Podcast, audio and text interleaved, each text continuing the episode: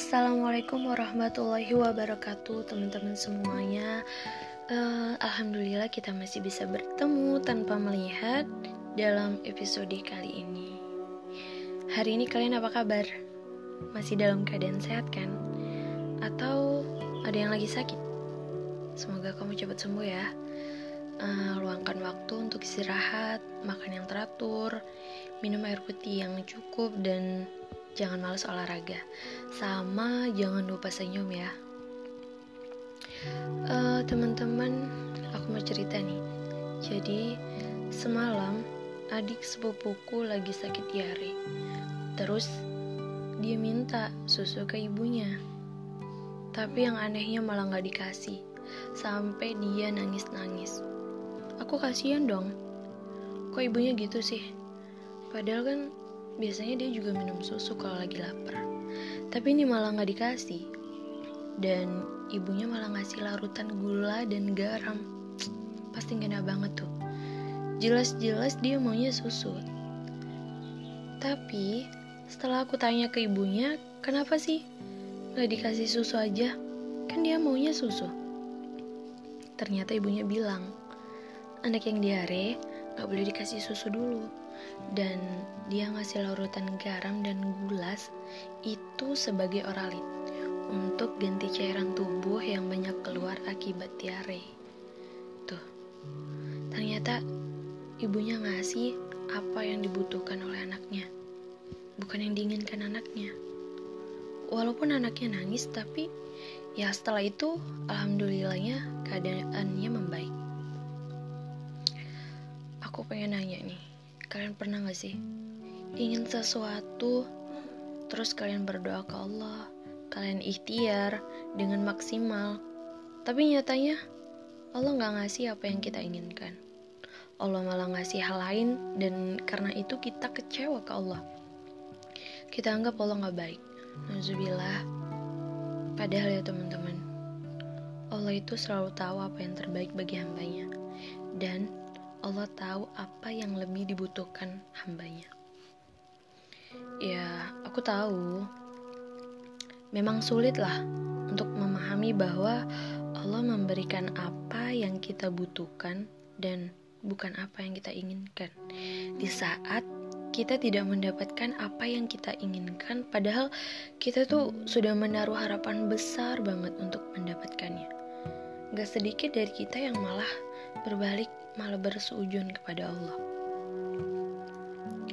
Kita sering lupa bahwa kita hamba, kita Abdul.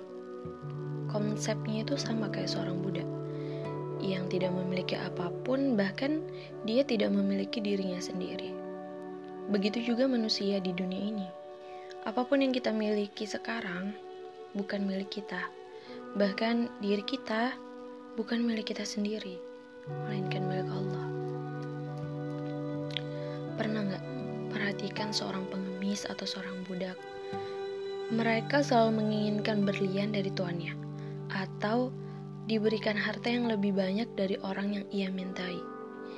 Tetapi, mereka tetap berterima kasih walau hanya diberikan beberapa koin.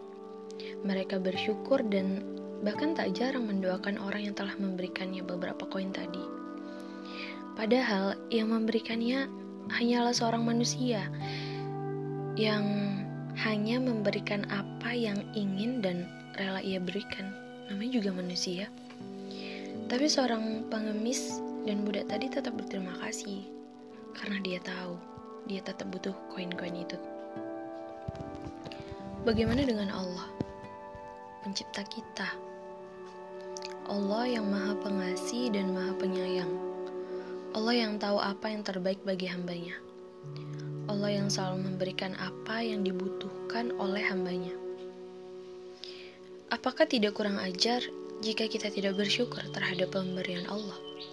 Padahal kita hanyalah hamba yang tidak memiliki apa pun. Beberapa orang dari kita mungkin berkata, hmm, bukannya aku gak bersyukur, tetapi Allah itu hanya memberikan aku kesusahan, kesulitan, bahkan masalah yang bertubi-tubi. Ya ya, aku juga pernah Setiap orang pasti pernah mendapatkan masalah dalam hidupnya. Tapi, bukankah masalah adalah pemberian Allah agar kita menjadi orang yang lebih bijaksana? Untuk menaikkan derajat kita, atau untuk menjadikan kita hamba yang lebih baik, Allah memberikan kita beberapa masalah. Allah memberikan kita masalah karena Allah itu tahu kita mampu melewatinya. Jadi, kamu gak boleh putus asa. Kamu harus tetap semangat dan bersyukur. Allah dijanji kok bahwa dia memberikan apa yang kita butuhkan, bukan apa yang kita inginkan. Setiap dari kita ingin hidupnya terlepas dari yang namanya masalah, kesusahan, kesulitan. Tapi Allah tahu setiap orang butuh masalah dengan porsinya masing-masing untuk membentuk dirinya menjadi lebih baik. Allah tahu manusia pasti akan pernah sampai di titik terendahnya. Manusia akan mengalami yang namanya putus asa dalam menghadapi sebuah masalah. Nah, di fase ini sebenarnya Allah ingin bersama kita. Bukankah Allah bersama orang-orang yang sabar? Dan Allah ingin kita percaya akan janjinya. Allah janji setelah kesusahan pasti ada kemudahan. Tinggal ya kitanya aja. Betah nggak dalam kesabaran selama melewati kesusahan yang kita nggak tahu sampai mana ujungnya. Harusnya sih betah, karena Allah bersama kita yang sedang bersabar. Dikasih yang dibutuhkan harusnya senang kan? Dan tidak mendapatkan apa yang kita inginkan harusnya tetap bersyukur kan? Uh, aku jadi ingat kata-kata yang tadi malam aku dengar di channel YouTube-nya Hawaryun yang begini. Mengejar dunia tidak ada habisnya, gak ada akhirnya. Padahal dunia sendiri akan berakhir. Dalam banget kan maknanya. Kalau aku sih ketampar keras banget.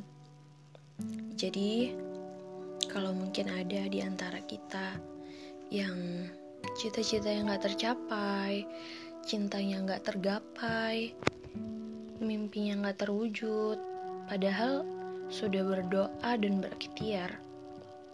Jangan sedih, karena kita hanya tidak mendapatkan apa yang tidak kita butuhkan. Sedangkan sekarang, kita menjalani apa yang terbaik untuk kita dan apa yang sebenarnya kita butuhkan.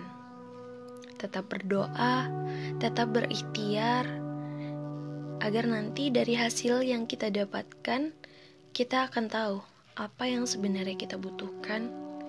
Jadi nggak ada alasan untuk kita nggak bersyukur. Nah, buat yang lagi ngadepin masalah, semoga selalu sabar agar Allah selalu bersama kamu. Semangat kita semuanya. Akhirnya udah sampai di detik terakhir. Aku mau doain kalian semua semoga tetap dalam keadaan sehat, bahagia, dan bersyukur. Boleh kan? Tapi jangan lupa, aku juga butuh doa yang sama. Jangan lupa doain ya. Oke, sampai ketemu di episode selanjutnya. Uh, semoga yang tadi bermanfaat. Dah semuanya. Assalamualaikum warahmatullahi wabarakatuh.